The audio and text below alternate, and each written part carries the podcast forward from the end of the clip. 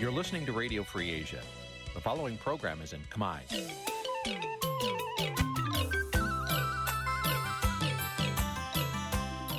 នេះជាកម្មវិធីផ្សាយ Vuthu Azizi Serai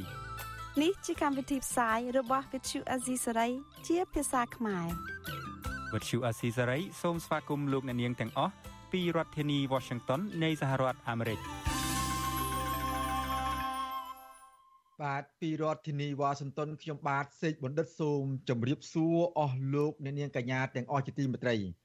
បាទយើងខ្ញុំសូមជូនកម្មវិធីផ្សាយសម្រាប់ព្រាត្រីថ្ងៃសៅរ៍7រោចខែចេសឆ្នាំថោះបញ្ញស័កពុទ្ធសករាជ2567ត្រូវនៅថ្ងៃទី10ខែមិថុនាគ្រិស្តសករាជ2023បាទជាដំបូងនេះសូមអញ្ជើញអស់លោកអ្នកនាងស្ដាប់ព័ត៌មានប្រចាំថ្ងៃដែលមានមេតិការដូចតទៅ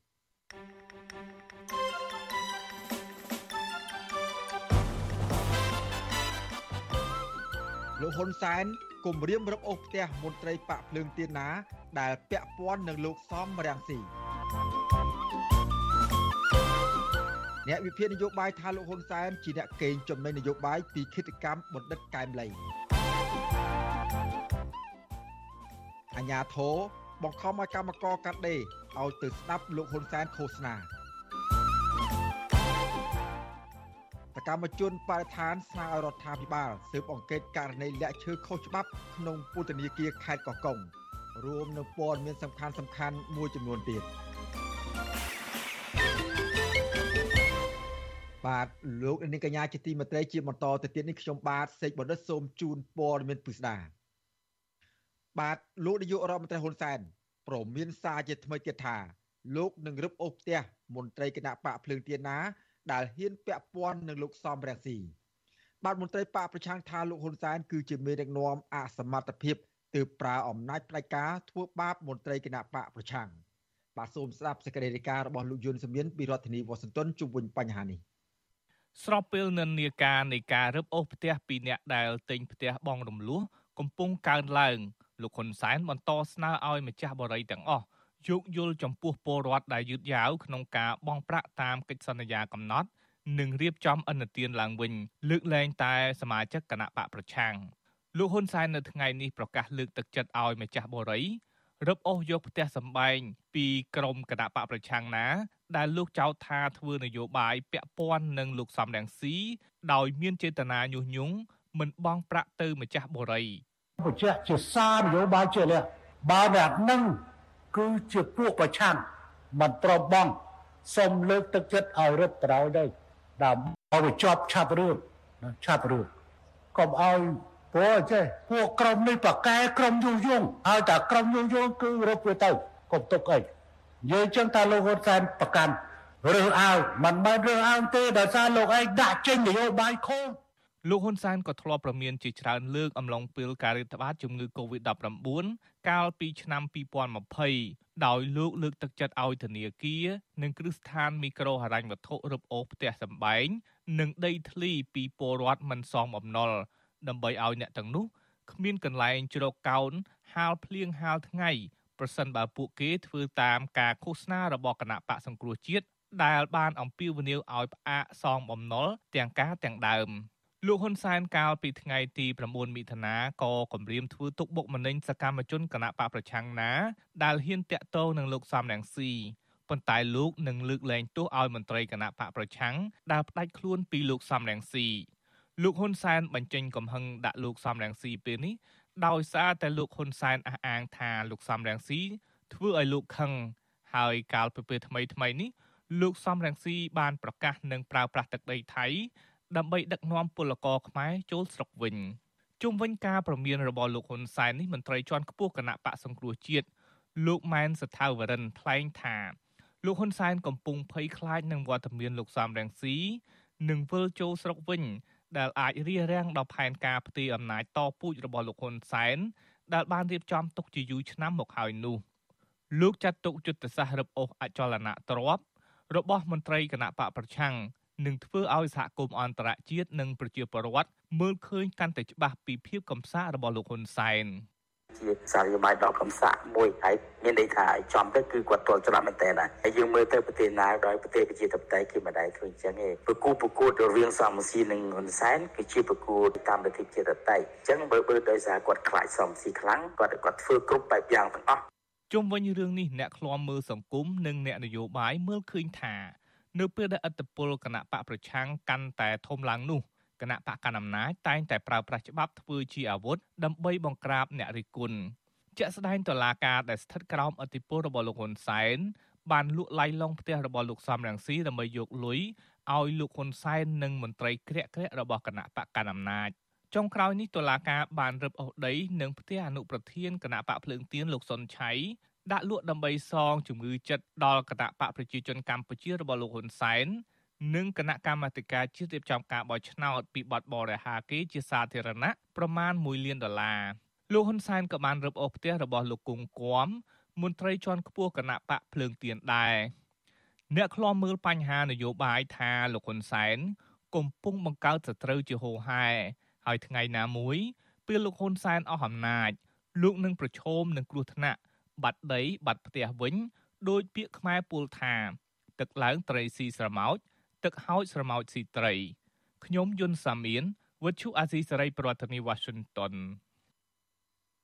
បាទលោកនាងកញ្ញាជាទីមេត្រីលោកនាងកំពុងតាមដានស្ដាប់ការផ្សាយរបស់វិទ្យុអស៊ីសេរីពីរដ្ឋធានីវ៉ាស៊ីនតោនសហរដ្ឋអាមេរិកបាទយើងមិនទាន់ទៅណាឆ្ងាយអំពីរឿងរ៉ាវស្ថានភាពនយោបាយដែលកំពុងតែឡើងកម្ដៅនៅមុនការបោះឆ្នោតជាតិដែលនឹងខិតគិតចូលមកដល់នៅពេលខាងមុខនេះទេ បាទលោកនាយករដ្ឋមន្ត្រីហ៊ុនសែនគ្រប់គ្រងស្ថាប័នជាតិកងកម្លាំងប្រដាប់អាវុធដើម្បីការពារអំណាចរបស់លោកបាទក៏ប៉ុន្តែលោកបែរជានៅតែខ្លាចស្រមោលលោកសំរងស៊ីទៅវិញតើមូលហេតុអ្វី បានជាលោកហ៊ុនសែននៅតែខ្លាចស្រមោលលោកសំរងស៊ីនៅកម្ពុជាដែលនៅគ្រងនឹងវិលត្រឡប់មកកម្ពុជានៅពេលខាងមុខនេះបាទសូមស្ដាប់សេចក្តីរាយការណ៍ពិស្ដាររបស់លោកទីនសាការីយ៉ាអំពីរឿងនេះពីរដ្ឋធានីវ៉ាស៊ីនតោនក្រុមនៃវិភាគរំពឹងថារដ្ឋាភិបាលថ្មីថៃ នឹងបើកច្រកឲ្យលោកសំរងស៊ីចូលទៅប្រទេសថៃដើម្បីប្រមូលអ្នកគាំទ្រវិលទៅកម្ពុជាវិញពួកគេលើកឡើងថាបើសិនជាលោកសំរងស៊ីជន់ទឹកដីថៃបានមនុស្សនឹងធ្វើឲ្យអំណាចក្រុមគ្រួសារត្រកូលហ៊ុនរង្គោះរង្គើនិវិភាននយោបាយលោកកឹមសុខសម្ដែងសោតធិនិយមថាគណៈបកចំពោះទៅមុខរបស់ថៃនឹងបើកច្រកឲ្យលោកសំរងស៊ីប្រើប្រាស់ទឹកដីថៃដើម្បីគៀងគរអ្នកគាំទ្ររបស់ខ្លួនវិលទៅកម្ពុជាវិញគណៈបកចំពោះទៅមុខដែលជាគណៈបកប្រឆាំងថៃបានឈ្នះអាសនៈសភាភាគច្រើន នៅក្នុងការបោះឆ្នោតកាលពីថ្ងៃទី14ឧសភាកន្លងទៅតើតើនឹងបញ្ហានេះលោកកឹមសុខបញ្ជាក់ថាអ្នកប្រជាធិបតេយ្យថៃមិនគ្រប់គ្រងរបបផ្ដាច់ការរបស់លោកហ៊ុនសែននោះឡើយលោកបានថែមថាគណៈបកប្រឆាំងថៃដែលឈ្នះការបោះឆ្នោតនោះនឹងគ្រប់គ្រងលោកសំរងស៊ីជាពិសេសគឺផែនការវិលចូលស្រុកវិញនេះ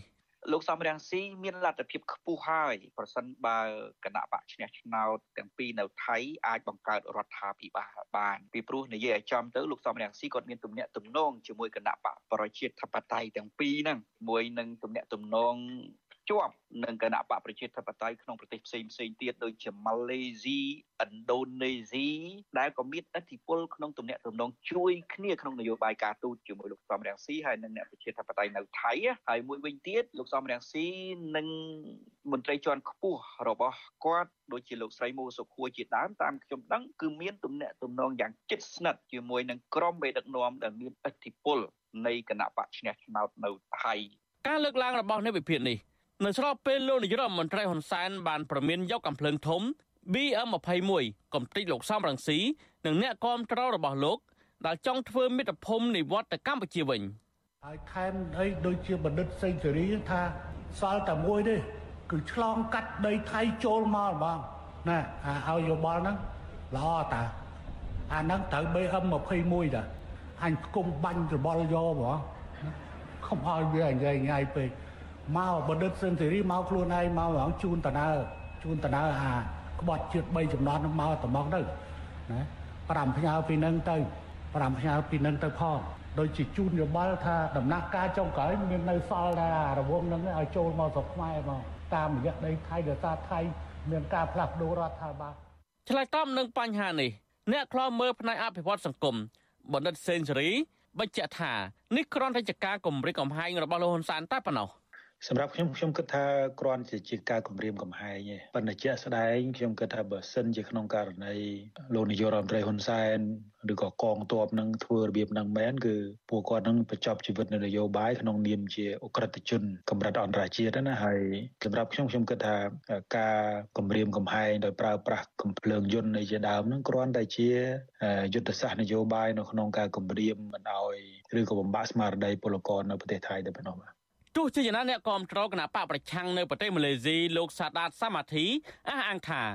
លោកមិនខ្លាចរអាការគម្រិតកំហែងពីលោកហ៊ុនសែននោះឡើយលោកអះអាងថាមានពលករនិងអ្នកគាំទ្រគណៈបកប្រឆាំងជាច្រើននៅប្រទេសម៉ាឡេស៊ី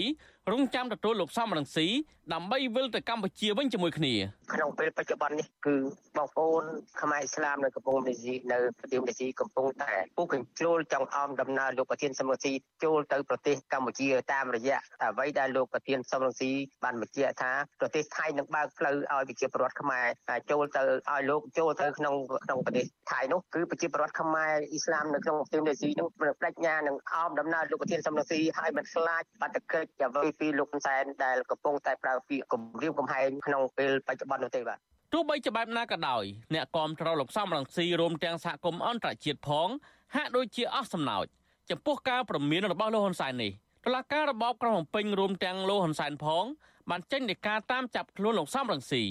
ផ្ទុយទៅវិញលោកហ៊ុនសែនបែរជាប្រមានយកកំភ្លើងធំបាញ់លោកសំរងស៊ីនិងអ្នកគាំទ្រលោកទៅវិញ នៅពេលលោកសំរងស៊ីចង់ចូលទៅកម្ពុជាដើម្បីប្រកល់ខ្លួនឲ្យលោកហ៊ុនសែនចាប់នោះប្រសិនបើលោកហ៊ុនសែនចង់ចាប់លោកសំរងស៊ីមែនហេតុអ្វីបានជាលោកមិនបើកច្រកឲ្យលោកសំរងស៊ីវិលចូលទៅកម្ពុជាវិញតាមសម្រួលតែម្ដងទៅអ្វីដែលកាន់តែហួសចិត្តទៅទៀតនោះនៅទន្ទឹមនឹងលោកហ៊ុនសែនរារាំងលោកសំរងស៊ីទាំងផ្លូវគោកនិងផ្លូវអាកាសនិងថែមទាំងត្រៀមកំភ្លើងធំចង់បាញ់សម្លាប់លោកសំរងស៊ីផងនោះលោកហ៊ុនសែនកាលពីថ្ងៃទី7មិថុនា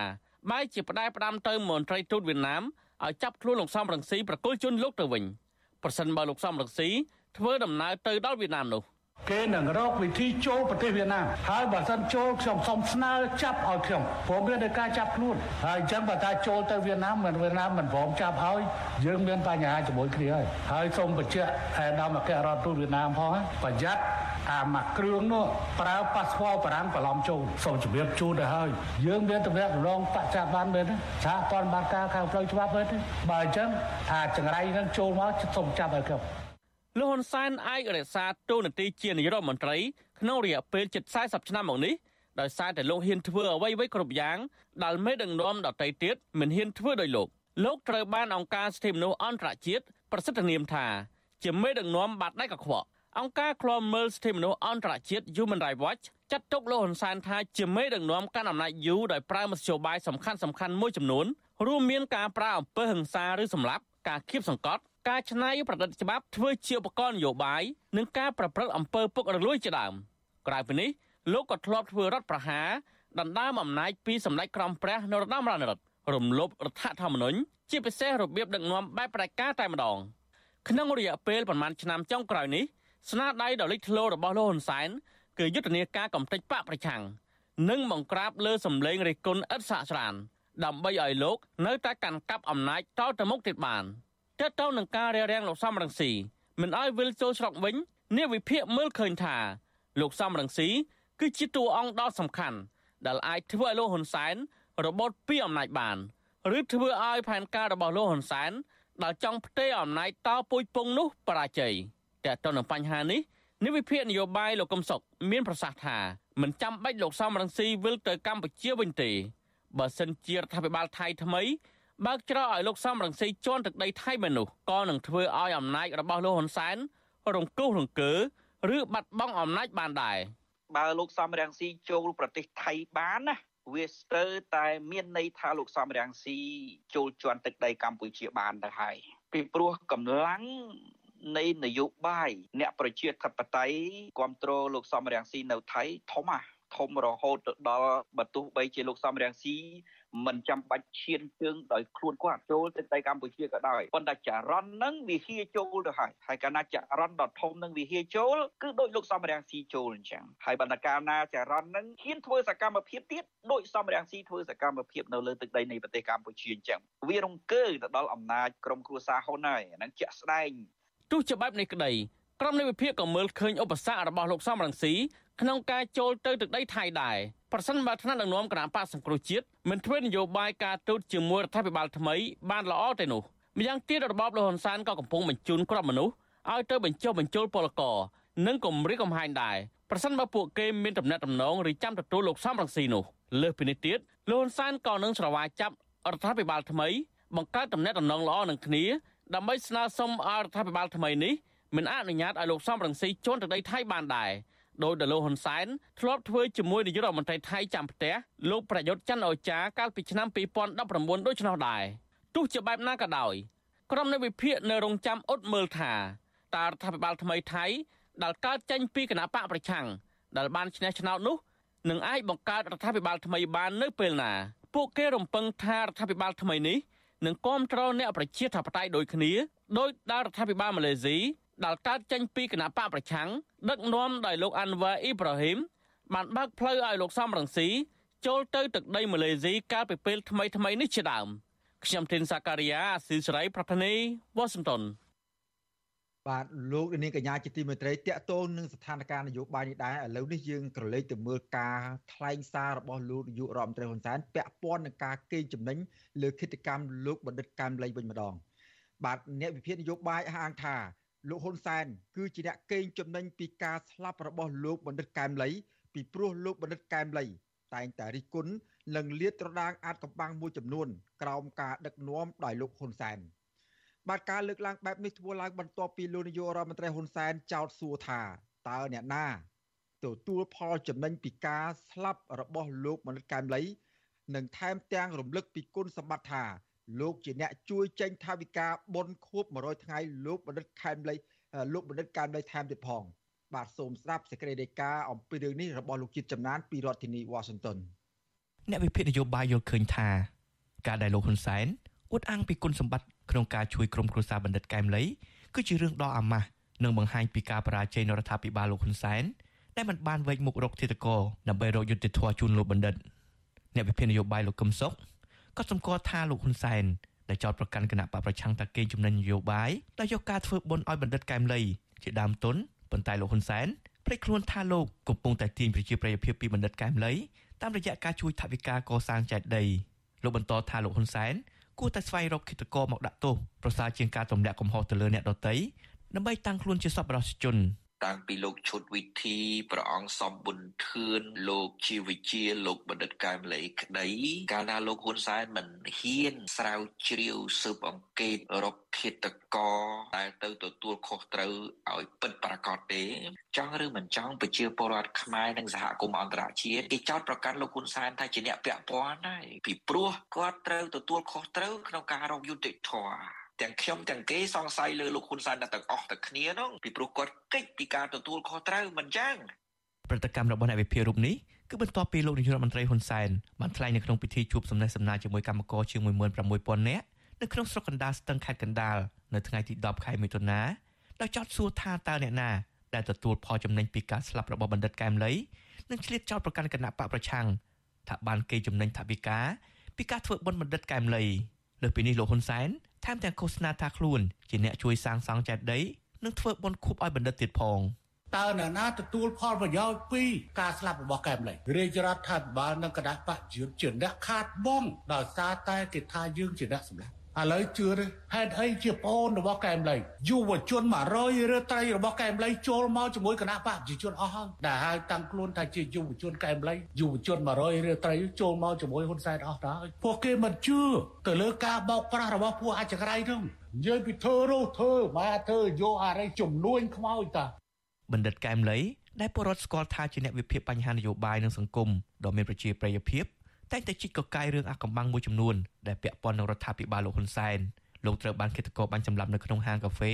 ក្នុងស្ថានីយ៍ចាក់សាំងមួយនៅកាច់ជ្រុងស្តុបបូកូកាលពីព្រឹកថ្ងៃអាទិត្យទី10ខែកក្កដាឆ្នាំ2016បើទោះបីជាអាញាធរបានចាប់ជនល្មើសឈ្មោះអ៊ុតអាង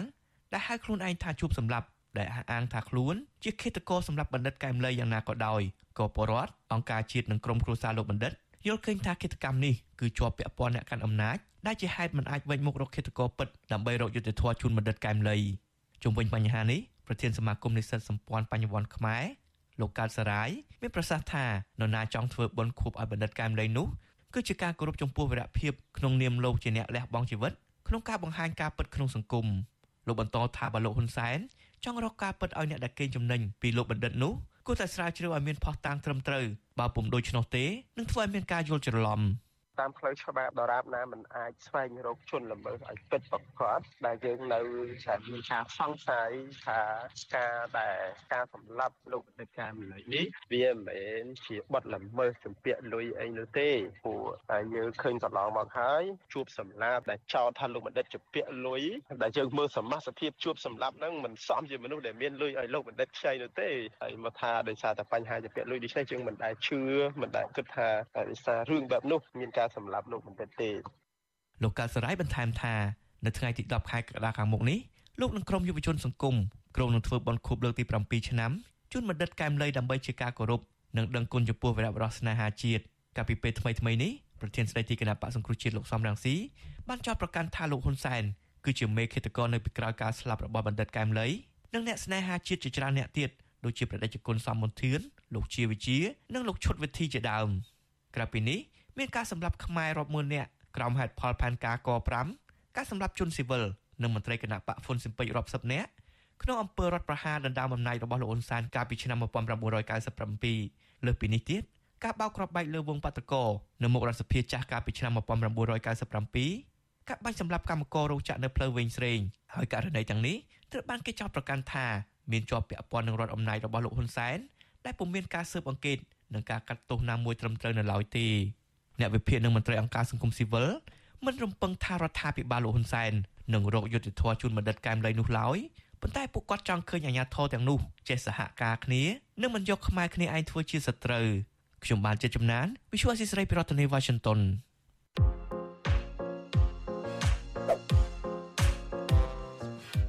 សូមស្វាគមន៍លោកអ្នកនាងជាទីមេត្រីនិងបងប្អូនប្រជាពលរដ្ឋខ្មែរយើងទាំងអស់ទូទាំងពិភពលោក យើងដឹងនិយាយរឿងភ្លើឬល្ងងអីហ្នឹងយើងដឹងថាយើងដឹងនៅពេលដែលយើងសម្ភាសអ្នកដែលរត់ទៅចូលគាត់មានលោកបណ្ឌិតសូណារ៉ូមានលោកទូចវិបុលមានលោកយឹមស៊ីណូនការពិតយើងដឹងតាំងពីអញ្ចឹងនឹងតាំងពីស្គាល់ដំបូងមកយើងដឹងថាមនុស្សនឹងមាននិន្នាការបែបណាលោកជំទាវទៅខំនៅណាទៀតគេជប់ហើយនៅខំនៅណាទៀត លុយអត់តាន់ដល់លុយអត់តាន់ដល់លុយអត់តាន់ដល់តំណែងអត់តាន់ដល់តំណែងអត់តាន់គ្រប់ខ្ញុំសុំកែសិនខ្ញុំសុំកែទៅហ្នឹងរឿងមានតែខ្ញុំឯងដឹងថ្ងៃនេះខ្ញុំសូមបញ្ចេញជូនសាធារណជនតាម podcast អាស៊ីសេរី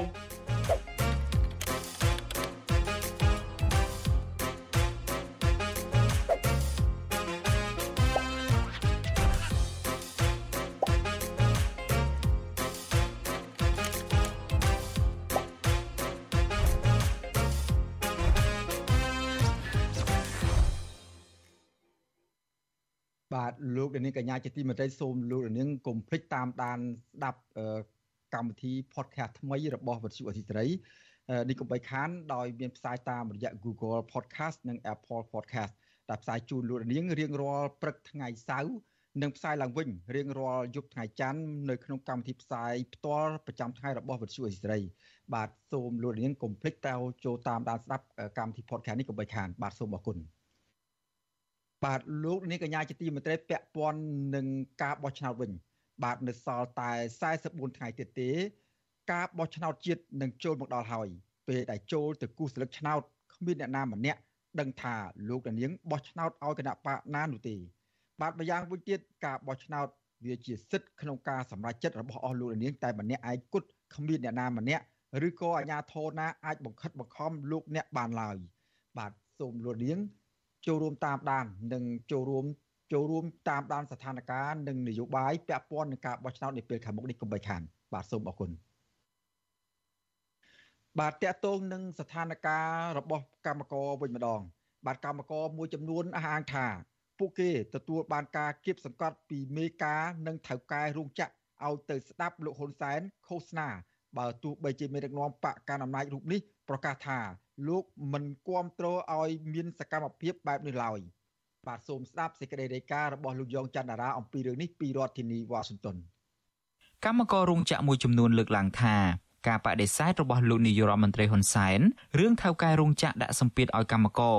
ចូលរួមពិធីសំណេះសំណាលរបស់លោកនោះគឺគ្រាន់តែជាការលាងជម្រះភាពអាម៉ាស់របស់លោកប៉ុណ្ណោះ កម្មការនីមួយរូបសុំមិនបញ្ចេញឈ្មោះដោយសារបារម្ភពីការងារប្រាប់វិទ្យុអាស៊ីសេរីនៅថ្ងៃទី10ខែមិថុនាថាលោកស្រីត្រូវបានថៅកែបង្ខំឲ្យទៅទទួលលោកហ៊ុនសែនជាថ្នូវទៅនឹងប្រាក់អត្ថប្រយោជន៍20ដុល្លារនិងទទួលបានប្រាក់20000រៀលពីលោកហ៊ុនសែនលោកស្រីចាត់ទុកការលើកឡើងរបស់លោកហ៊ុនសែននេះគឺគ្រាន់តែជាការលួងចិត្តដើម្បីឃោសនារកការគ្រប់គ្រងពីកម្មករនៅមុនការបោះឆ្នោតលោកស្រីលើកឡើងថាជាទូទៅមុនពេលទៅជួបលោកហ៊ុនសែន ថ្នាក់ដឹកនាំរោងចក្របានរៀបចំរួចជាស្រេចទៅហើយដូចជាចំពោះកម្មករធម្មតាត្រូវទៅអង្គុយនៅកៅអីខាងក្រោយ ចំណែកឯមេការ ឬក៏ថ្នាក់ដឹកនាំរោងចក្រដែលមានប្រាក់ខែខ្ពស់អង្គុយនៅកៅអីខាងមុខដើម្បីមានឱកាសបានសន្ទនាជាមួយលោកហ៊ុនសែនកម្មករថតមួយបានថតមួយបានសិទ្ធិអ្នកធំឯងទៅជិនបានលោកនាយរដ្ឋមន្ត្រីហ៊ុនសែនទំនងជាមានភាពអាម៉ាស់ បន្ទាប់ពីទទួលរងការរិះគន់ករណីគៀកោឲ្យកម្មករទៅស្ដាប់លោកនិយាយទៅបានជាលោកប្រតិកម្មវែកមុខរោគជនណា ដែលបង្ខិតបង្ខំកម្មករឲ្យទៅចូលរួមពិធីសំណេះសំណាលរបស់លោកនៅក្នុងពិធីសំណេះសំណាលជាមួយក្រុមកម្មករនយោជិត នៅស្រុកសាមគ្គីមានជ័យខេត្តកំពង់ឆ្នាំងកាលពីថ្ងៃទី8ខែមិថុនាលោកហ៊ុនសែនបានអះអាងថាលោកនឹងផ្ដល់ប្រាក់20,000ដុល្លារ ដល់កម្មកររូបណា ដែលមិនចូលរួមកម្មវិធី ហើយត្រូវបានថៅកែឬមេការកាត់លុយអស់20ដុល្លារលោកស្នើឲ្យកម្មកររងគ្រោះទាំងនោះចេញមុខមកជួបលោកដោយសន្យាថាស្វែងរកអ្នកបង្ខិតបង្ខំពួកគេពីព្រោះលោកមិនគ្រប់គ្រងឲ្យមានទង្វើបែបនេះឡើយទោះជាយ៉ាងណាលោកហ៊ុនសែនហាក់មិនទទួលស្គាល់ថាមានរឿងបែបនេះកើតឡើងឡើយពីព្រោះលោកបានសម្ដៅទៅលើលោកសុនដារាដោយលោកចោទថា អ្នកអត្ថាធិប្បាយបញ្ហានយោបាយនៅលើបណ្ដាញសង្គម Facebook រូបនេះផ្សព្វផ្សាយព័ត៌មានមិនពិតឥឡូវអ្នកណាដែលគេកាត់ប្រាក់ខែដែលមិនបានមកដែលគេកាត់ប្រាក់ខែនោះមកបានក៏មកទៅមកមិនបានទេក៏ឲ្យទៅអានោះវាមិនដែលម៉ែអាណាឥឡូវឯងស្បត់ឲ្យត្រូវក្របឯងស្បត់ឲ្យផ្ទះបាញ់ឯងស្បត់ឲ្យងាប់តៃហោងឯងស្បត់វាកើតអញ្ចឹងទេឯងបញ្ចេញឈ្មោះមកហើយអំពាវនាវកម្មករណាដែលគេកាត់ប្រាក់ដែលមិនបានមកជួបពូឲ្យមកគេកាត់ប្រាក់ ចេញមកមកពូនឹងសងមួយជា10ឬសុំចេះណែបាត់បង់20ដុល្លារខ្ញុំឲ្យណែ20000ដុល្លារបើទោះបីជាលោកហ៊ុនសែនអះអាងបែបនេះក្តីក៏ក្រុមកម្មករមួយចំនួន នៅតែអះអាងថាមេការនឹងថៅកែរោងចក្ររបស់ពួកគេ នៅតែបង្ខំឲ្យពួកគេទៅទទួលលោកហ៊ុនសែនដដែល កាលពីថ្ងៃទី26ខែឧសភាក្រុមកម្មករធ្លាប់បញ្ចេញប្រតិកម្មមិនពេញចិត្តម្ដងរួចមកហើយតាក់ទងទៅនឹងការបង្ខិតបង្ខំពីថៅកែ ឲ្យទៅចូលរួមកម្មវិធីសំណេះសំណាលរបស់លោកហ៊ុនសែននៅរោងចក្រនៅក្នុងតំបន់សេដ្ឋកិច្ចពិសេស Royal Group ភ្នំពេញក្រុមកម្មករអះអាងថាថៅកែនិងមេការបានគម្រាមកាត់ប្រាក់ខែឬបណ្ដេញពួកគាត់ចេញពីការងារដោយគ្មានការលើកលែងប្រសិនបើពួកគាត់មិនទៅចូលរួមកម្មវិធីនោះក្រុមកម្មករឲ្យដឹងទៀតថាពួកគាត់ខ្លះត្រូវបង្ខំចិត្តទៅទាំងអត់ងងុយដោយសារធ្វើការវេនយប់និងខ្លះទៅដើម្បីដោះដូរទៅនឹងការមិនកាត់ប្រាក់ខែជាដើម។ អង្គុយនៅក្នុងរោងដែលបិទផ្លាកអគុណសន្តិភាពកម្មករទាំងអស់ត្រូវបានគេតម្រូវឲ្យបរិភោគអាហារនិងបន្ទោបង់ឲ្យរួចរាល់មុនពេលជួបលោកហ៊ុនសែនដើម្បីជៀសវាងដើរទៅដើរមកនៅក្នុងកម្មវិធីនៅក្នុងជំនួបជាមួយក្រុមកម្មករក្រៅតែពីការសួររឿងប្រាក់ខែកម្មករដែលជាទម្លាប់របស់លោកហើយនោះលោកហ៊ុនសែនមិនភ្លេចនោះទេនៅក្នុងការសួរដេញដោលរឿងឯកជនរបស់កម្មករដូចជារឿងស្នេហា និងរឿងតាក់ទងទៅនឹងផ្លូវភេទជាដើម។ ក៏ប៉ុន្តែលោកមិនបានសួរដេញដោលអំពីទុកលំបាករបស់កម្មករហើយសន្យាដោះស្រាយបញ្ហាទាំងនោះឡើយម្យ៉ាងវិញទៀតក្រៅតែពីការនិយាយយកចិត្តកម្មករនិងឃោសនារកសម្លេងឆ្នោតហើយនោះលោកហ៊ុនសែនដែលជាមេដឹកនាំមាត់ឆៅនិយាយដាក់ក្បាលមេក្រូ4 5ម្នាក់ឯងហើយនោះលោកក៏ឆ្លៀតឱកាសយកវេទិកានេះដើម្បីវាយប្រហារទៅលើសកម្មជនគណៈបកប្រឆាំងអង្គការសង្គមស៊ីវិលនិងសហគមន៍អន្តរជាតិ ដោយមិនគិតពីការបដិប្រព័ន្ធអនុគ្រោះពន្ធ EBA ពីសំណាក់សហភាពអឺរ៉ុបនោះឡើយជុំវិញរឿងនេះប្រធានសហភាពការងារកម្ពុជាលោកអាតធុនសង្កេតឃើញថាកម្មករអាចមានការពិបាកនៅក្នុងការបដិសេធចូលរួមវេទិការបស់ថ្នាក់ដឹកនាំបើទោះបីជាមិនមានការកាត់ប្រាក់អត្ថប្រយោជន៍ក្តីលោកបន្តថារដ្ឋាភិបាលគួរតែជំរុញឲ្យមានការដោះស្រាយបញ្ហាជាក់ស្ដែងរបស់កម្មករដូចជាការកេងប្រវ័ញ្ចកម្លាំងពលកម្មការរំលោភសិទ្ធិការងារបញ្ហាសុខភាព ការបិទរោងចក្រនិងការព្យួរការងារដោយមិនទូទាត់ប្រាក់សំណងជាដើមលោកអាតធុនលើកឡើងទៀតថាការដឹងពីសុខទុក្ខបញ្ហាការងារនិងដោះស្រាយការលំបាករបស់កម្មករគឺមិនពិបាកឲ្យថ្នាក់ដឹកនាំចុះមកជួបពួកគាត់ផ្ទាល់នោះទេដោយគ្រាន់តែដាក់ប្រអប់សម្បត្តិសម្រាប់ទទួលពាក្យបណ្ដឹងឬសំណុំពររបស់ក្រុមកម្មការហើយចាត់តំណាងសហជីពឯករាជ្យដើម្បីសង្កេតស្ថានភាពកម្មករជាដើម។ បើសិនជាមានក្រុមការងារចុះស៊ើបអង្កេតឧទាហរណ៍ថាដាក់ក្រុមការងារ30 40នាក់ឲ្យឲ្យពួកគេចុះទៅសម្ភាសនៅតាមមូលដ្ឋានទាំងអស់ដែលជាគោលការណ៍បច្ចេកទេសស្រាវជ្រាវឲ្យមានជាលក្ខណៈវិទ្យាសាស្ត្រហ្នឹងខ្ញុំគិតថាហ្នឹងបានព័ត៌មានពិតជាងអ្វីដែលគាត់នៅទៅនិយាយដើម្បីឲ្យគាត់ស្ដាប់ហ្នឹងច្រើនជាងនេះនៅក្នុងរយៈពេលប្រមាណសប្តាហ៍មកនេះលោកហ៊ុនសែនកំពុងបើកយុទ្ធនាការចោះជួបកម្មករនិយោជិត នៅតាមរោងចក្រ ក្នុងរាជធានីភ្នំពេញ និងតាមខេត្តមួយចំនួន ដោយមានការសំណេះសំណាលអោបថើបនិងថតរូបស្និទ្ធស្នាលជាមួយកម្មករដែលសកម្មភាពទាំងអស់នេះគេច្រើនឃើញកើតមានរយៈពេល5ឆ្នាំម្ដងពលគឺនៅមុនការបោះឆ្នោតមកដល់ក្រុមកម្មករស្នើឲ្យលោកហ៊ុនសែនគួរតែដោះស្រាយបញ្ហាការលំបាករបស់កម្មករចេញពីចិត្តពិតជាជាងមកជួបកម្មករតែនៅពេលបោះឆ្នោត5ឆ្នាំម្ដង ហើយទុកពួកគាត់ចោលនៅក្រោយការបោះឆ្នោត ខ្ញុំយ៉ងច័ន្ទដារាវិទ្យុអាស៊ីសេរី Washington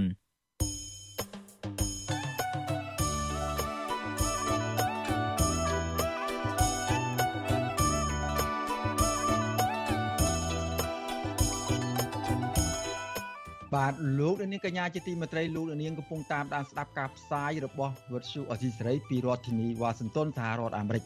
បាទដំណើរគ្នានឹងស្ដាប់ការផ្សាយរបស់វិទ្យុអស៊ីសេរីតាមបណ្ដាញសង្គម Facebook YouTube និងប្រព័ន្ធសង្គម Telegram នោះលោកនាងក៏អាចស្ដាប់កម្មវិធីផ្សាយរបស់វិទ្យុអសីសេរីតាមរយៈរលក ធាតុអាកាសខ្លីឬ Shortwave តាមកម្រិតនិងកម្ពស់ដូចតទៅនេះបាទពេលព្រឹកចាប់ពីម៉ោង5កន្លះដល់ម៉ោង6កន្លះតាមរយៈប៉ុស SW 12.14 MHz ស្មើនឹងកម្ពស់ 25m និងប៉ុស SW 13.71 MHz ស្មើនឹងកម្ពស់ 22m បាទនៅពេលយប់ចាប់ពីម៉ោង7កន្លះដល់ម៉ោង8កន្លះតាមប៉ុស SW 9.93 MHz ស្មើនឹងកម្ពស់ 32m ប៉ុស SW 11.88 MHz ស្មើនឹងកម្ពស់ 25m និងប៉ុស SW 12.14 MHz ស្មើនឹងកម្ពស់ 25m បាទសូមអរគុណ បាទលោកនាងកញ្ញាជាទីមេត្រីពាក់ព័ន្ធនឹងបទល្មើសព្រៃឈើវិញម្ដង បាទសកម្មជនការពីបរិស្ថានជំរុញឲ្យអាជ្ញាធរស៊ើបអង្កេតរកការពិតករណីលាក់ទុកឈើកែច្នៃក្នុងពន្ធនាគារខេត្តកោះកុងនិងក្នុងមូលដ្ឋាននៃបញ្ជាការដ្ឋានយុទ្ធភូមិភាគទី3នៅក្នុងខេត្តកំពង់ស្ពឺបាទការជំរុញនេះគឺក្រោយពីសារព័ត៌មានមុងកាបៃបានចុះផ្សាយព័ត៌មានស៊ើបអង្កេតមួយកាលពីពេលថ្មីៗនេះ ពីការរកឃើញទីតាំងស្ថាប័នរដ្ឋចំនួន2នេះត្រូវបានគេប្រើប្រាស់ជាកន្លែងផ្ទុកនិងកែច្នៃឈើខុសច្បាប់ ដែលកាប់យកចេញពីតំបន់ដែនជម្រកសត្វព្រៃភ្នំក្រវាញបាទសូមលោកនាងរងចាំស្ដាប់សេចក្តីរាយការណ៍លម្អិតអំពីរឿងនេះនៅព្រឹកស្អែកបាទសូមអរគុណ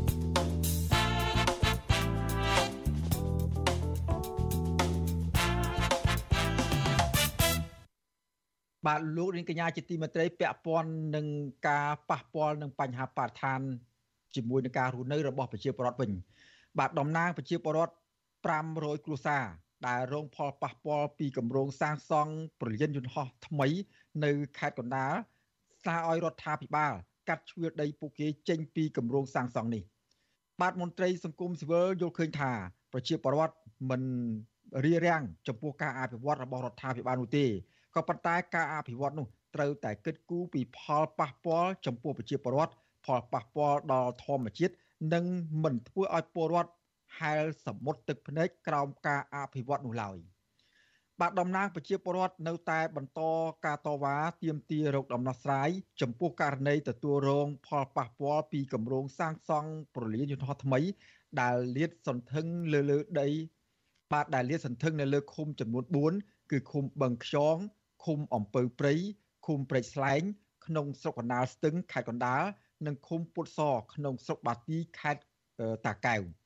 បាទប្រជាពលរដ្ឋហាងថាពួកគាត់មិនត្រូវការដោះដូរដីទៅកន្លែងផ្សេងឬសំឡងអ្វីពីរដ្ឋាភិបាលនោះទេពលគឺពួកគេចង់អភិវឌ្ឍនៅនឹងកន្លែងដែលពួកគាត់កំពុងរស់នៅបាទតំណាងពលរដ្ឋម្នាក់គឺលោកស្រី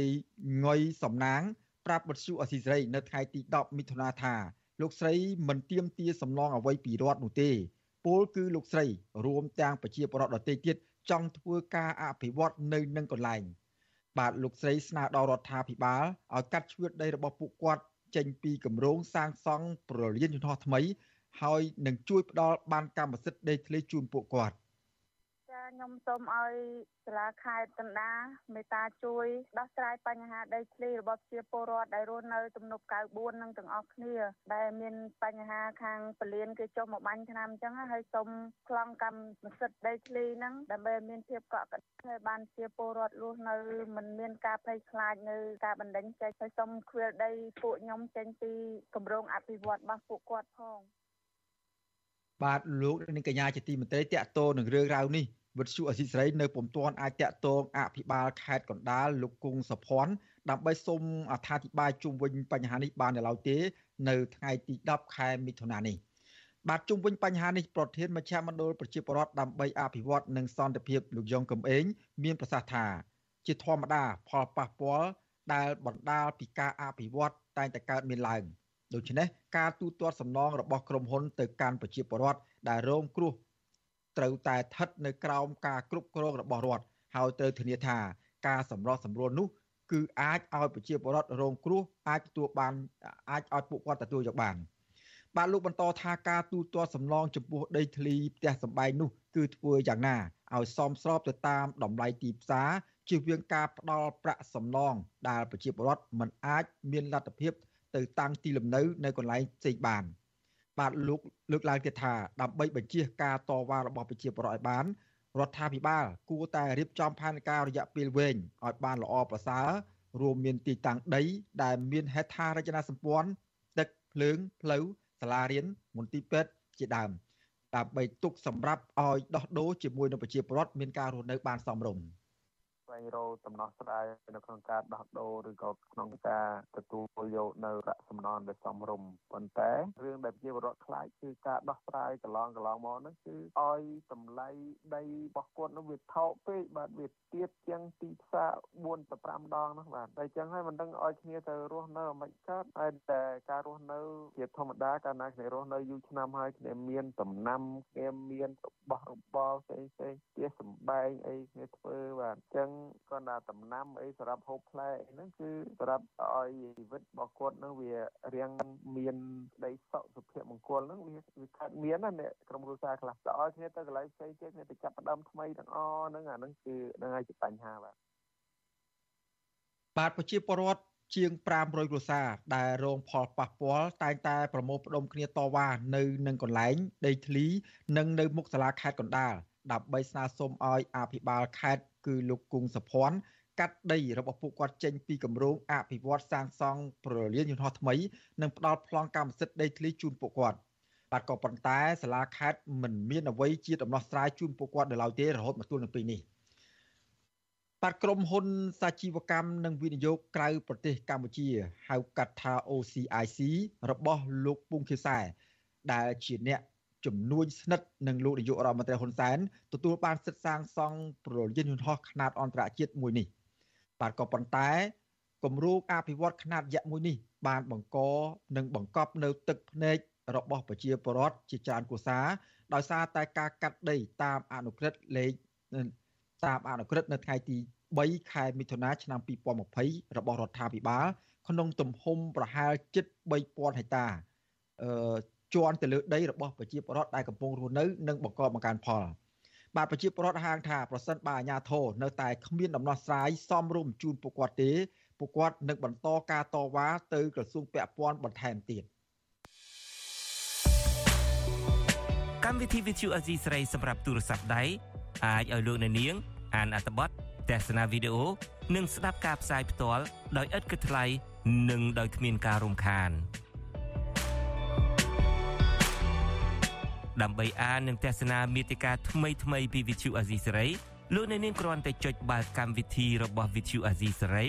ដែលបានដំឡើងរួចរាល់លើទូរស័ព្ទដៃរបស់លោកអ្នកនាងប្រសិនបើលោកអ្នកនាងចង់ស្ដាប់ការផ្សាយផ្ទាល់ឬការផ្សាយចាស់ចាស់សូមចុចលើប៊ូតុងរូប Vithu ដែលស្ថិតនៅផ្នែកខាងក្រោមនៃកម្មវិធីជាការស្រេច។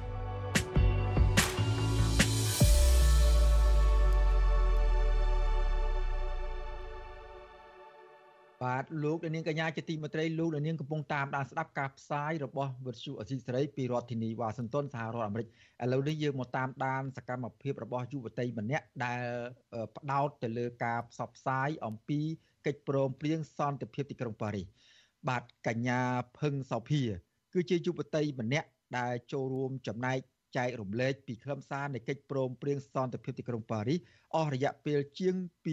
2100ថ្ងៃក្នុងចំណោមបេសកកម្មចំនួន7000ថ្ងៃ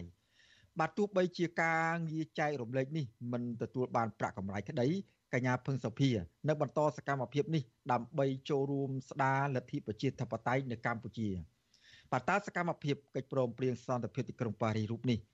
មានដំណើរការមានដំណើរជីវិតបែបណានិងបានធ្វើកិច្ចការអ្វីខ្លះបាទសូមលោករនាង ស្ដាប់សេចក្តីរាយការណ៍លម្អិតរបស់លោកយ៉ងច័ន្ទរាអំពីរឿងនេះពីរដ្ឋធានី Washington កញ្ញាភឹងសុភាបានលះបង់ពេលវេលាធ្វើដំណើរទៅកាន់ទីកន្លែងផ្សេងផ្សេងនៅក្នុងប្រទេសកម្ពុជា ដើម្បីផ្សព្វផ្សាយពន្យល់អំពីខ្លឹមសារនិងសារៈសំខាន់នៃកិច្ចព្រមព្រៀងសន្តិភាពទីក្រុងប៉ារីស23ដុល្លារឆ្នាំ1991 អ្នកផ្សព្វផ្សាយកិច្ចព្រមព្រៀងសន្តិភាពទីក្រុងប៉ារីសនៅតាមបណ្ដាញសង្គមរូបនេះលើកឡើងថាបេសកកម្មនេះបានចេញជាផ្លែផ្កាជាបណ្ដាបណ្ដាហើយពីព្រោះការផ្សាយផ្ទាល់នៅលើ Facebook ពីដំបូងมันមានការចាប់អារម្មណ៍មើលនោះឡើយក៏ប៉ុន្តែបច្ចុប្បន្ននេះកញ្ញាថាមានអ្នកមើលយ៉ាងតិច2លាននាក់នៅក្នុងមួយសប្តាហ៍កញ្ញាផឹងសុភាបន្ថែមថាពលរដ្ឋដែលមើលការចែករំលែកជាប្រចាំនេះក៏ចូលរួមចែករំលែកបន្ត នៅក្នុងក្រុមគ្រួសារនិងពលរដ្ឋផ្សេងទៀតដែរកញ្ញាផឹងសុភាមានអាយុ31ឆ្នាំមានស្រុកកំណើតនៅភូមិសាឡាឆេះឃុំរហាល ស្រុកព្រះនេត្រព្រះខេត្តបន្ទាយមានជ័យកញ្ញាមានបងប្រុសចំនួន2នាក់និងមានបងស្រីភ្លោះម្នាក់និងមានឪពុកជាគ្រូបង្រៀនដើម្បីកិច្ចចេញពីការប្រឡងគ្រូទៅតាមការស្នើសុំរបស់គ្រួសារនៅឆ្នាំ2009កញ្ញាភឹងសោភា បានមករស់នៅក្នុងរាជធានីភ្នំពេញ ក្រោយជាប់អាហារូបករណ៍ជំនាញបរិស្ថាន នៅសាកលវិទ្យាល័យភូមិន្ទភ្នំពេញក្រោយបញ្ចប់ការសិក្សាក្នុងឆ្នាំ2013កញ្ញាភឹងសោភា បានចាប់ផ្ដើមការងារនៅសាកលវិទ្យាល័យភូមិន្ទភ្នំពេញទៅតាមជំនាញដែលខ្លួនស្រឡាញ់គឺជាអ្នកចុះធ្វើការជាមួយសហគមន៍និងជាអ្នកអភិរក្សសត្វស្លាបនៅដងទន្លេមេគង្គទន្លេសេសាន និងទន្លេស្រែពកតែក្រោយមក នៅឆ្នាំ2015កញ្ញាភឹងសុភា បានផ្លាស់ប្ដូរខ្លួនឯង ដោយចាប់ផ្ដើមស្រឡាញ់និងចង់រៀនពីសិទ្ធិមនុស្សជាពិសេសសិទ្ធិស្រឡាញ់ភេទដូចគ្នាជាមួយអង្គការក្រៅរដ្ឋាភិបាលមួយចំនួន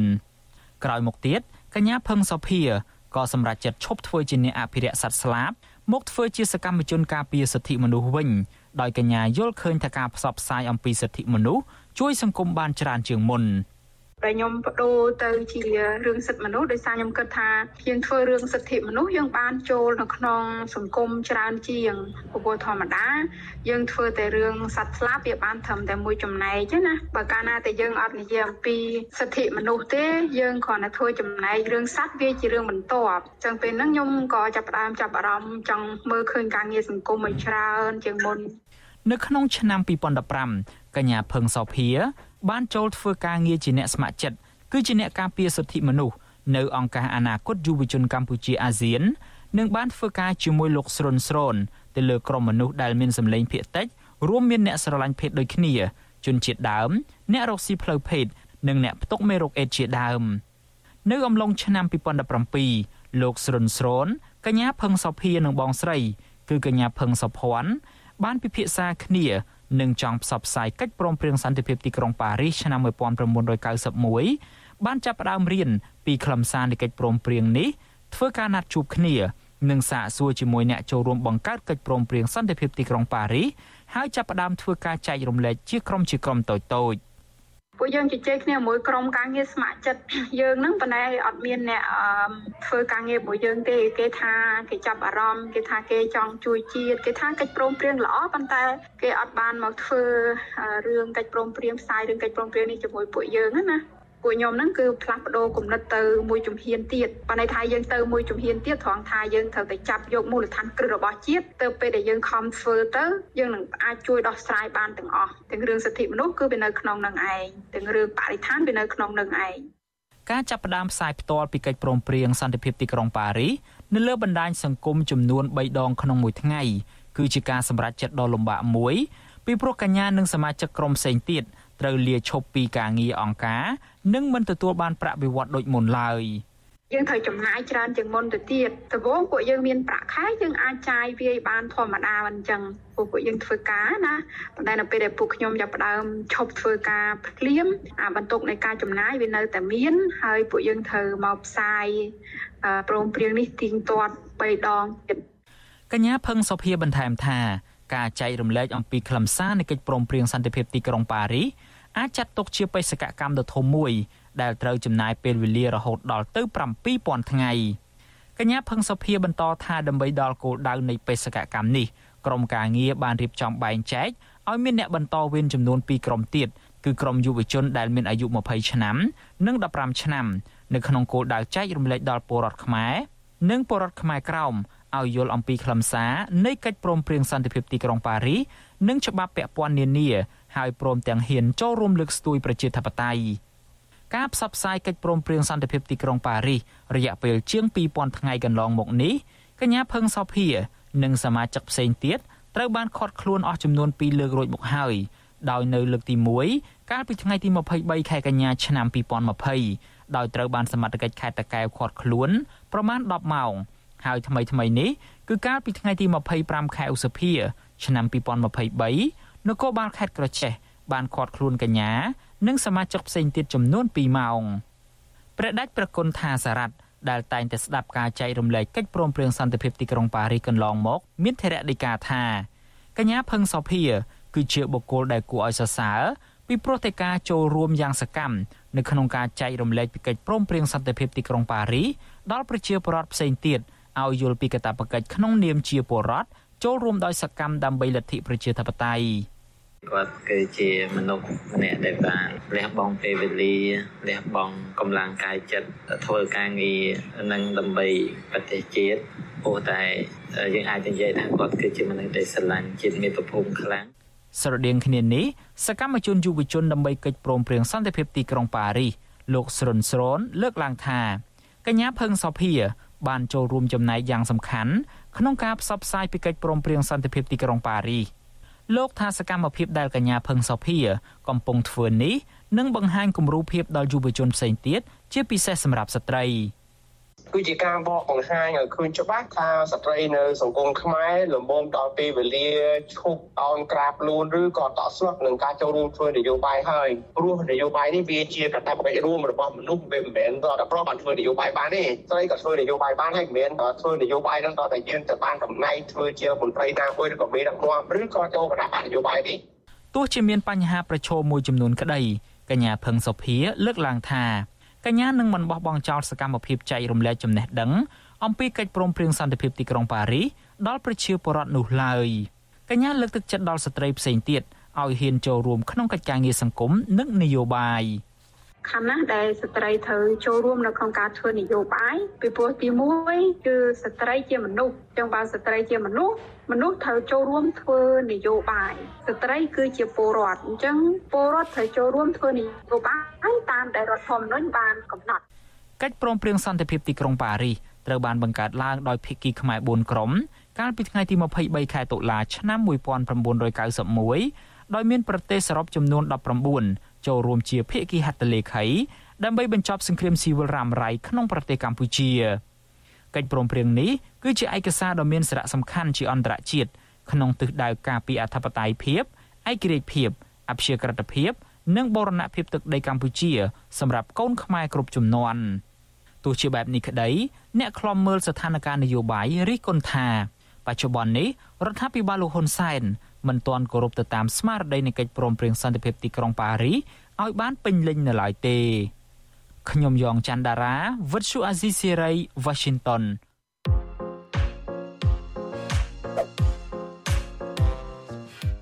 សូមស្វាគមន៍លោកអ្នកនាងជាទីមេត្រីនិងបងប្អូនប្រជាពលរដ្ឋខ្មែរយើងទាំងអស់ទូទាំងពិភពលោក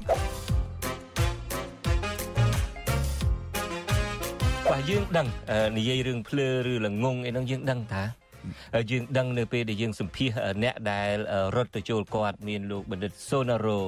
មានលោកទូចវិបុលមានលោកយឹមស៊ីណូនការពិតយើងដឹងតាំងពីអញ្ចឹងនឹងតាំងពីស្គាល់ដំបូងមកយើងដឹងថាមនុស្សនឹងមាននិន្នាការបែបណា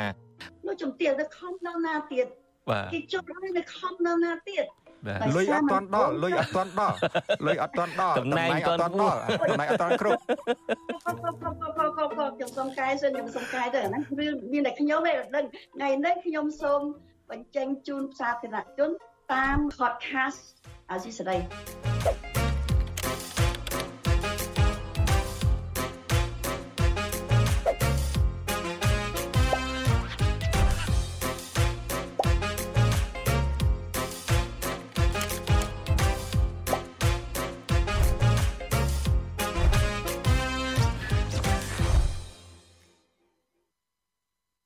បាទលោកនាងកញ្ញាជាទីមេត្រីសូមលោកនាងកុំភ្លេចចូលទៅស្ដាប់កម្មវិធី podcast របស់វិទ្យុអេស៊ីត្រី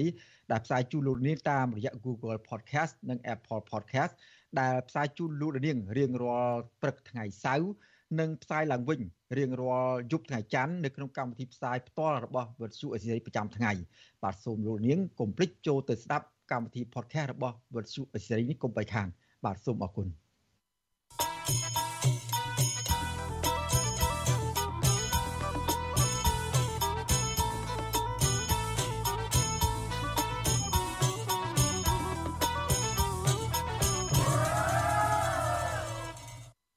លោកនាងកញ្ញាជាទីមេត្រីឥឡូវនេះជាថ្មីម្ដងទៀតលោកនាយករដ្ឋមន្ត្រីហ៊ុនសែនប្រមាន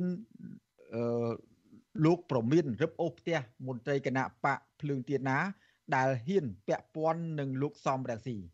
បាទមន្ត្រីគណៈបកប្រឆាំងថាលោកហ៊ុនសែនគឺជាមេដឹកនាំអសមត្ថភាពទើបប្រើអំណាចផ្ដាច់ការធ្វើបាបមន្ត្រីគណៈបកប្រឆាំងបាទពីរដ្ឋធានីវ៉ាស៊ីនតោនលោកយុនសមៀនរាយការណ៍អំពីរឿងនេះ ស្របពេលនិន្នាការនៃការរឹបអូសផ្ទះពីអ្នកដែលទិញផ្ទះបងរំលោះកំពុងកើនឡើងលោកហ៊ុនសែនបន្តស្នើឲ្យម្ចាស់បរិយទាំងអស់យោគយល់ចំពោះពលរដ្ឋដែលយឺតយ៉ាវក្នុងការបង់ប្រាក់តាមកិច្ចសន្យាកំណត់និងរៀបចំអនុទានឡើងវិញលើកលែងតែសមាជិកគណៈបកប្រឆាំងលោកហ៊ុនសែននៅថ្ងៃនេះប្រកាសលើកទឹកចិត្តឲ្យម្ចាស់បរិយ រឹបអូសយកផ្ទះសម្បែងពីក្រមគណៈបកប្រឆាំងណា ដែលលោកចោទថាធ្វើនយោបាយពាក់ព័ន្ធនឹងលោកសំរងស៊ីដោយមានចេតនាញុះញង់មិនបង់ប្រាក់ទៅម្ចាស់បរិយបញ្ជាក់ជាសារនយោបាយជាលះបើអ្នកនឹងគឺជាពួកប្រឆាំងមិនប្រមបងសូមលើកទឹកចិត្តឲ្យរឹតត្រោយទៅដើម្បីឲ្យវាជាប់ឆាប់រឿងឆាប់រឿងកុំឲ្យ ព្រោះចេះពួកក្រុមនេះប្រកែក្រុមយុយងហើយតែក្រុមយុយងគឺរឹបវាទៅកុំទុកអីនិយាយចឹងថាលោកហ៊ុនសែនប្រកាន់រើសអើងមិនមែនរើសអើងទេដោយសារលោកឯងដាក់ចេញនយោបាយខុសលោកហ៊ុនសែនក៏ធ្លាប់ប្រមានជាច្រើនលើកអំឡុងពេលការរាតត្បាតជំងឺ Covid-19 កាលពីឆ្នាំ2020ដោយលោកលើកទឹកចិត្តឲ្យធនាគារនិងគ្រឹះស្ថានមីក្រូហិរញ្ញវត្ថុរឹបអូសផ្ទះសម្បែងនិងដីធ្លីពីពលរដ្ឋមិនសមបំណុល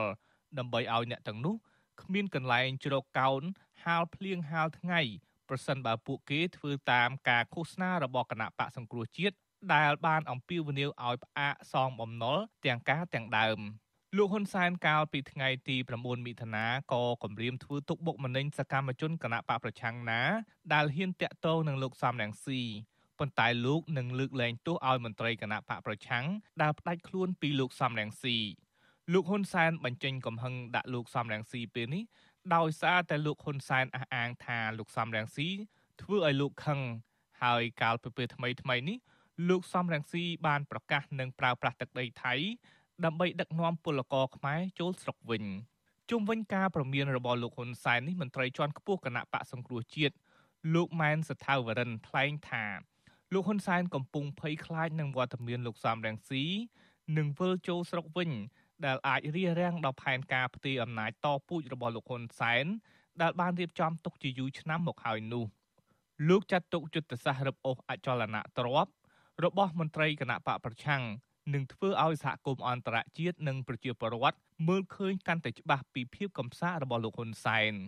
ជាសារយោបាយដល់កំសាក់មួយហើយមានន័យថាចំទៅគឺគាត់ទាល់ច្រឡំមែនតើហើយយើងមើលទៅប្រទេសណាដោយប្រទេសប្រជាធិបតេយ្យគឺមិនដែលធ្វើអញ្ចឹងទេប្រគូប្រកួតរវាងសំស៊ីនិងហ៊ុនសែនគឺជាប្រគួតតាមលទ្ធិប្រជាធិបតេយ្យអញ្ចឹងបើបើដោយសារគាត់ខ្លាចសំស៊ីខ្លាំងគាត់គាត់ធ្វើគ្រប់បែបយ៉ាងទាំងអស់ជុំវិញរឿងនេះអ្នកឃ្លាំមើលសង្គមនិងអ្នកនយោបាយមើលឃើញថា នៅពេលដែលអត្តពលគណៈបកប្រឆាំងកាន់តែធំឡើងនោះ គគណៈបកកណ្ដាលអំណាចតែងតែប្រើប្រាស់ច្បាប់ធ្វើជាអាវុធដើម្បីបង្ក្រាបអ្នករិះគន់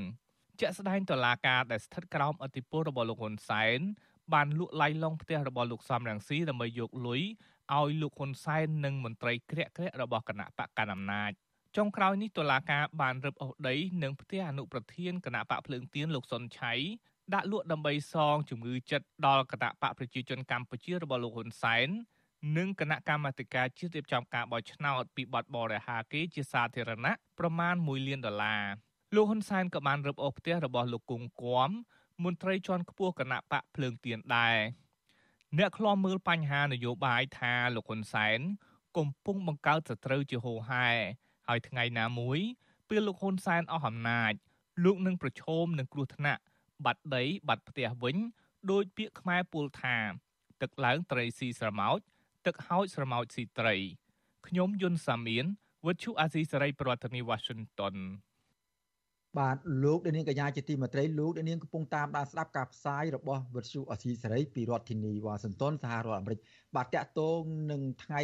បោះឆ្នោតដែលនឹងខិតជិតចូលមកដល់នៅថ្ងៃទី23ខែកក្កដាខាងមុខនេះវិញបាទគិតត្រឹមថ្ងៃសៅរ៍ទី10ខែមិថុនានេះនៅសល់តែ44ថ្ងៃទៀតទេ ការបោះឆ្នោតជាតិនឹងចូលមកដល់ហើយបាទ ពេលចូលទៅគូសសិលឹកឆ្នោតគ្មានអ្នកណាម្នាក់ដឹងថាលោកអ្នកបោះឆ្នោតឲ្យគណៈបកណានោះទេម្យ៉ាងវិញទៀតការបោះឆ្នោតវាជាសិទ្ធិនៅក្នុងការសម្រេចចិត្តរបស់អស់លោកនាងតែម្នាក់គត់គ្មានជនណាឬក៏អាជ្ញាធរណាអាចបង្ខំអាចបង្ខិតបង្ខំអស់លោកអ្នកបាននោះទេបាទសូមអរគុណ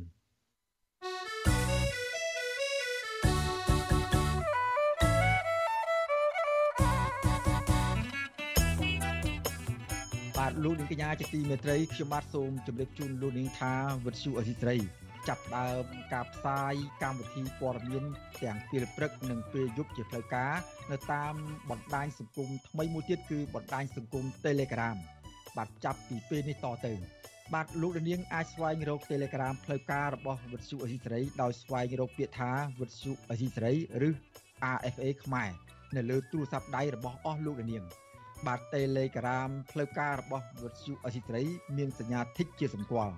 បាទក្រុមការងាររបស់វិទ្យុអេស៊ីរ៉ីនឹងព្យាយាមរិះរោបមធ្យោបាយថ្មីថ្មីបន្ថែមទៀតដើម្បីផ្ដល់ភាពងាយស្រួលដល់លោកនាងនៅក្នុងការស្ដាប់និងទស្សនាការផ្សាយព័ត៌មានរបស់វិទ្យុអេស៊ីរ៉ីជាបន្តបន្តទៅទៀត។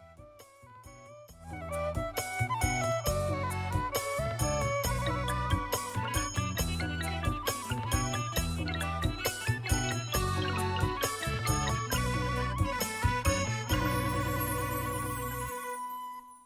លោកនាងកញ្ញាជាទីមេត្រីពាក់ព័ន្ធនឹងអំពើពុករលួយនៃការជួញដូរនិងកាប់ឈើជួញដូរខុសច្បាប់វិញម្ដង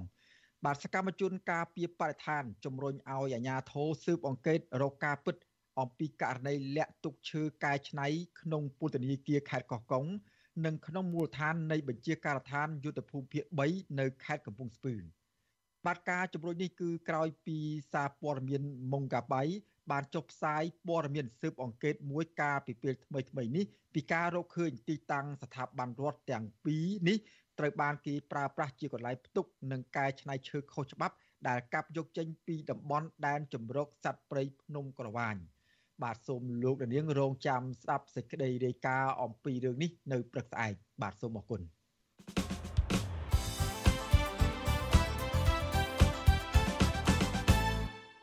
បាទលោកនាងកញ្ញាជាទីមេត្រីលោកនាងកំពុងតាមដានស្ដាប់ការផ្សាយរបស់វិទ្យុអេស៊ីត្រីពីរដ្ឋធានីវ៉ាស៊ីនតោនសហរដ្ឋអាមេរិកបាទការផ្សាយរយៈពេល1ម៉ោងសម្រាប់រាត្រីថ្ងៃសៅរ៍នេះបានឈានចូលដល់ទីបញ្ចប់ហើយខ្ញុំបាទសេកបណ្ឌិតព្រមទាំងក្រុមការងាររបស់វិទ្យុអេស៊ីត្រីទាំងអស់សូមគោរពជូនពរដល់អស់លោកនាង ឲ្យជួបប្រកបតែនឹងសេចក្តីសុខចម្រើនរុងរឿងកំបីគ្លៀងគ្លេឡើយហើយសូមអរគុណចំពោះអស់លោកនាងដែលនៅតែមានភក្ដីភាពតាមដានស្ដាប់និងទស្សនាការផ្សាយរបស់វិទ្យុអេស៊ីសរ៉ៃតាំងពីដើមរៀងមកហើយខ្ញុំបាទនៅពេលនេះសូមអរគុណនិងសូមជម្រាបលា បាទរាត្រីសួស្តី